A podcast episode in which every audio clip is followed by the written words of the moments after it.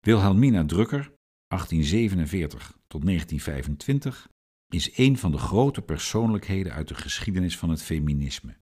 Zij heeft zich onder andere ingezet voor het vrouwenkiesrecht.